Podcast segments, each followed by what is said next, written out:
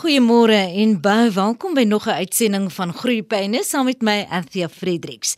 Dankie dat jy ingeskakel is en ook baie dankie vir die terugvoering wat ek van julle ontvang het oor die program en hoe baie julle dit geniet. Elke donderdagoggend beweeg ons in die leefwêreld van ons voorskoolse kinders in en ons pak die vele uitdagings wat hierdie tydvak van hul lewe kan bied. Nou verlede week het ons gefokus op vroeggebore babas en die uiters belangrike rol wat ondersteuning aan ouers speel. Soos ek toe dan ook genoem het, word 15% van alle babas, een uit elke 7 in Suid-Afrika voortyds gebore. Dit beteken dat hulle hul opwagting voor 37 weke van swangerskap maak. Hulle word volgens geboortegewig in 3 groepe gedeel lae geboortegewig babas wat tussen 32 en 37 weke gebore word en tussen 1,5 kg en 2,5 kg weeg. Baie lae geboortegewig babas wat tussen 28 en 32 weke gebore word en tussen 1 kg en 1,5 kg weeg en dan ekstreme of uiters lae geboortegewig babas wat tussen 24 en 28 weke gebore word en minder as 1 kg weeg. Na aanleiding van verlede week se gesprek met 'n ma, as ook 'n pa wat beide hulle stories van hul premature babas met ons gedeel het, het die Universiteit van Wes-Kaapland, oftewel UWK, laat weet dat hul sielkundige departement 'n navorsingsstudie gedoen het oor hoë risiko swangerskappe se impak op vaders.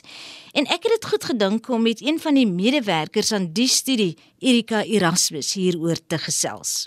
Ek het laas jaar my leers in sielkunde by die Universiteit van die Wes-Kaap verwerf en as deel van my studies het ek 'n tese oor hierdie onderwerp geskryf. En in die afgelope jaar het ek saam met my supervisor meneer Carl Jackson en my medestudent Toby Dotna Mbanga gewerk om 'n gesamentlike navorsing op die onderwerp te ontskep in 'n artikel en dit te laat publiseer in 'n internasionale joernaal. So, vertel my so 'n bietjie oor julle studie en die doel van hierdie studie dan.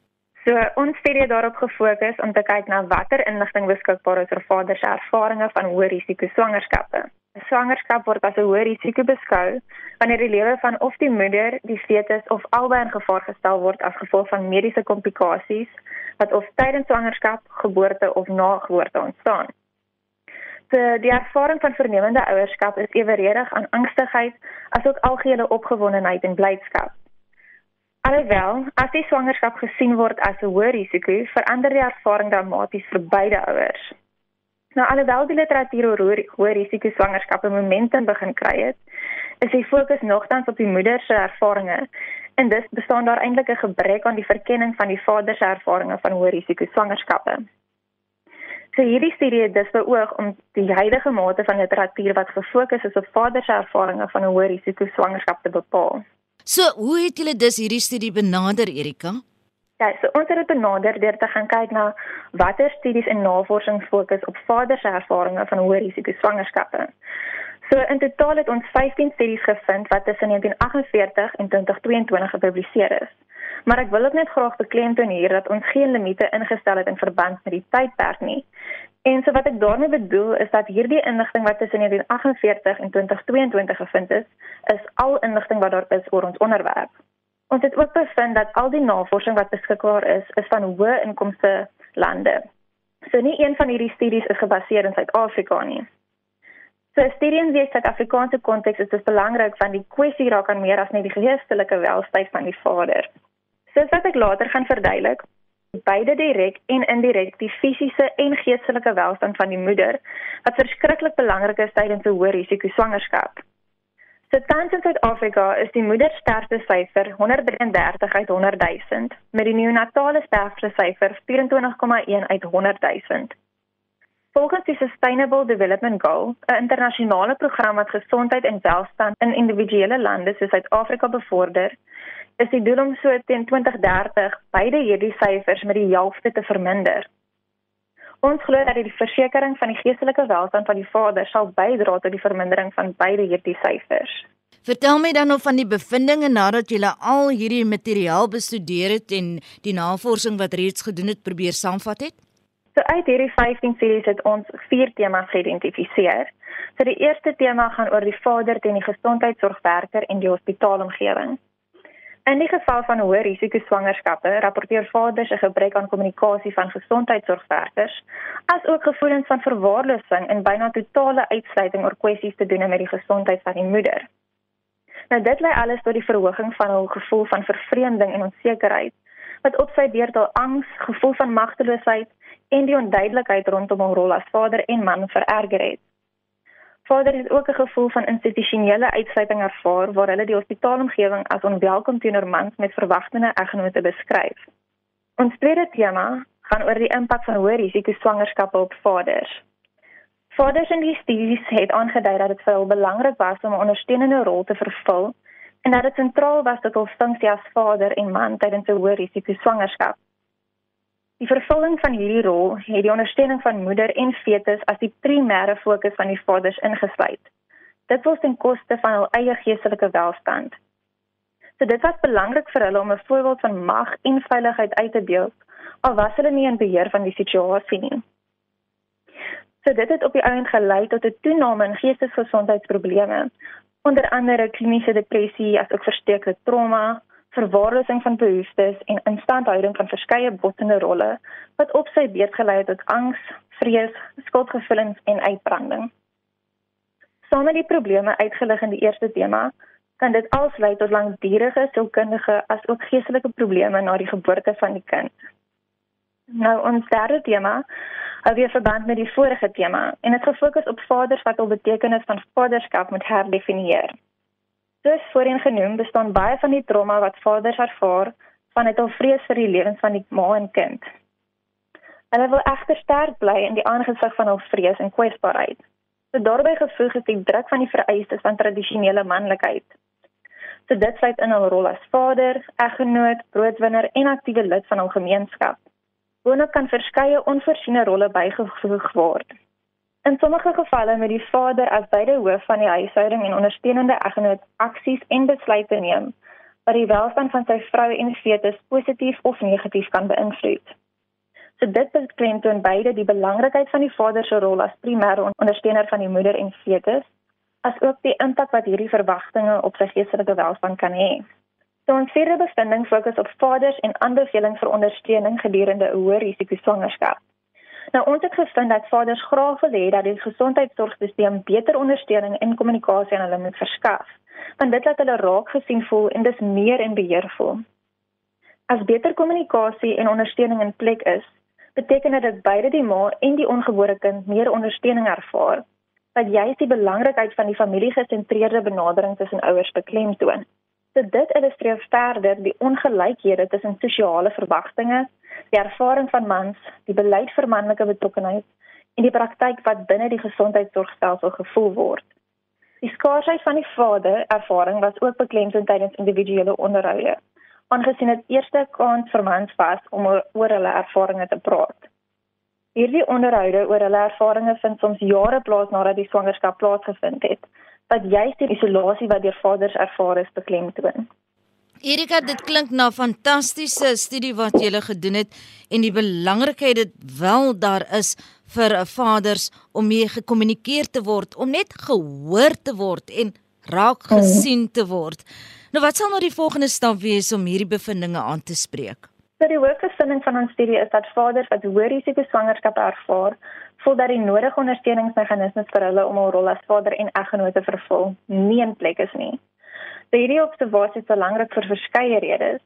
Die belangrikheid van die vader se ondersteuning tydens die swangerskap is al voorheen bespreek, maar dit is duidelik dat die ondersteuning van die vader aan die moeder bydra tot 'n suksesvolle swangerskap en geboorte.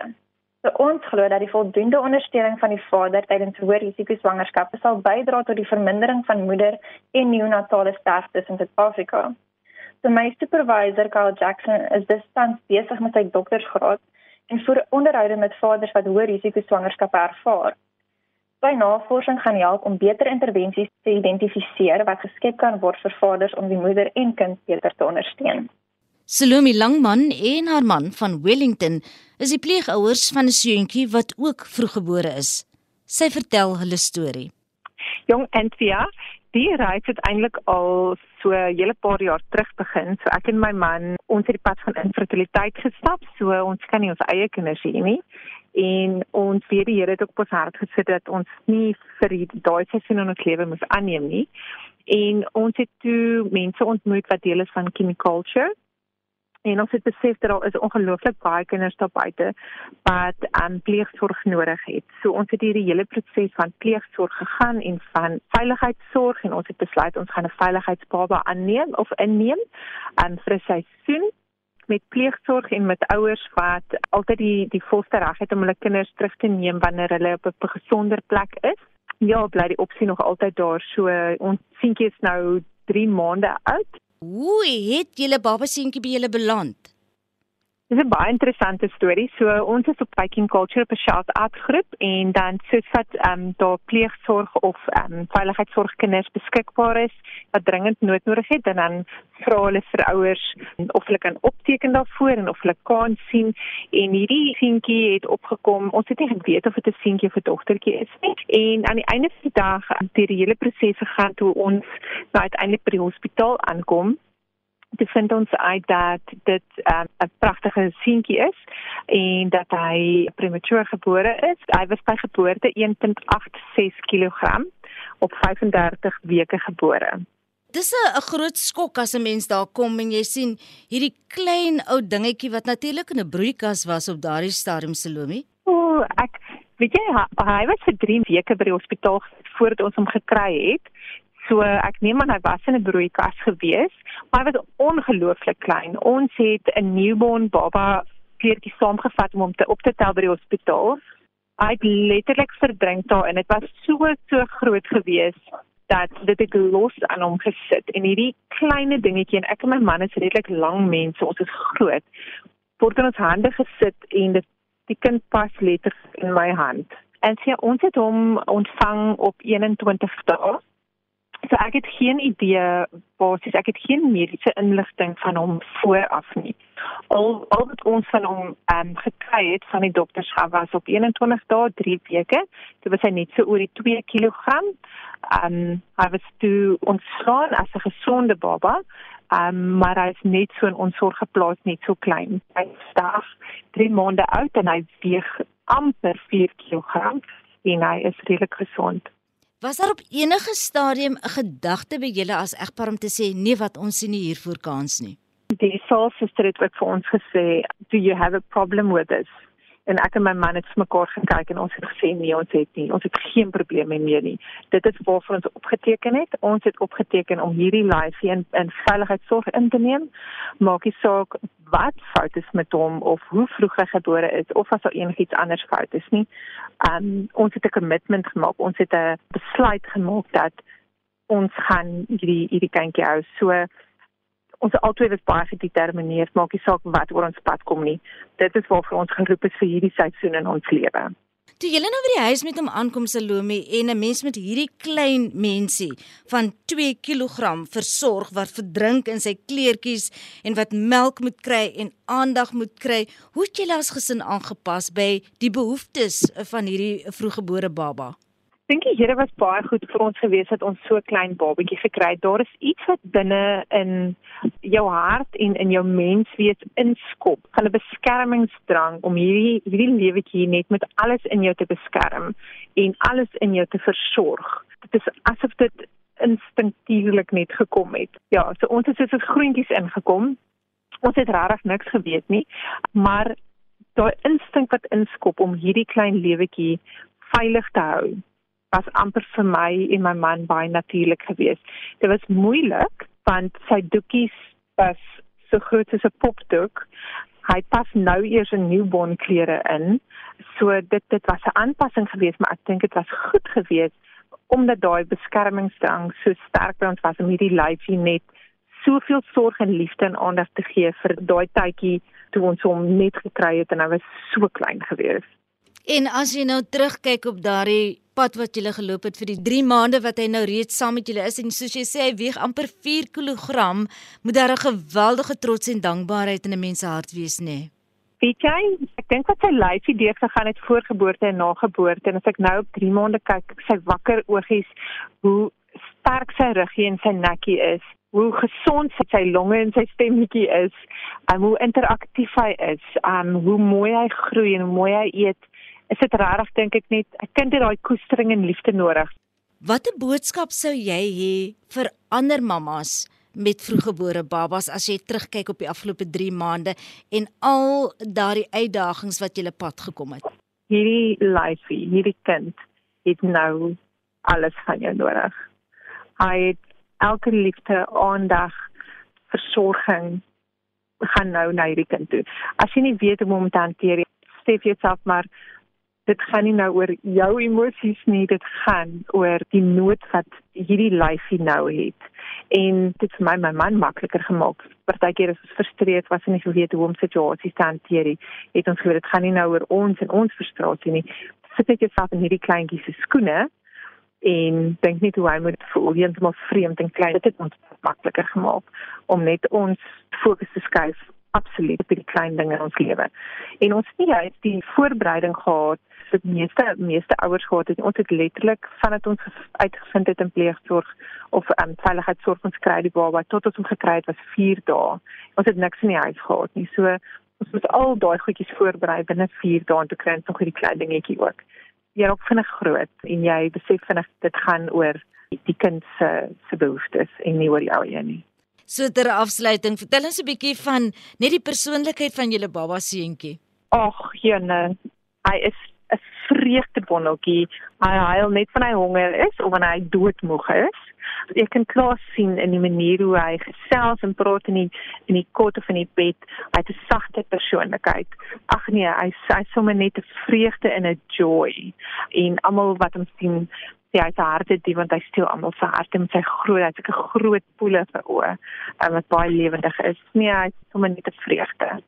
En so gesels Salome Langman van Wellington oor hul pleegseentjie wat as vroeggebore baba aan hulle toevertrou is. Ek het verlede week soveel positiewe terugvoering oor ons program rondom premature babas ontvang en wil graag hierdie briefie van Lenet Dreyer met julle deel. Sy skryf: Ek het sopas na jou uitsending van Groeipyne geluister en kon nie help as om ook aan my eie kleindogter Lia te dink nie. Sy is op 15 Augustus 2016 op 26 weke gebore en het net 630 gram geweeg. Wat 'n verskriklike moeilike tyd was dit nie vir ons as familie nie, omdat my man reeds op daardie tydstip bedlend was. Lia se pa het gewerk, deeltyd studeer, terwyl sy vir meer as 5 maande in die neonatale eenheid in Panorama Hospitaal was. Lia is tans in graad R. Baie dankie Lenet, wat ook 'n foto van die pragtige Lia saamgestuur het. Ek wens julle net vreugde en vrede toe. En daarmee het groet het aangebreek. Volgende donderdag, dieselfde tyd, dieselfde plek, kuier ons weer saam. Tot dan, mooi bly.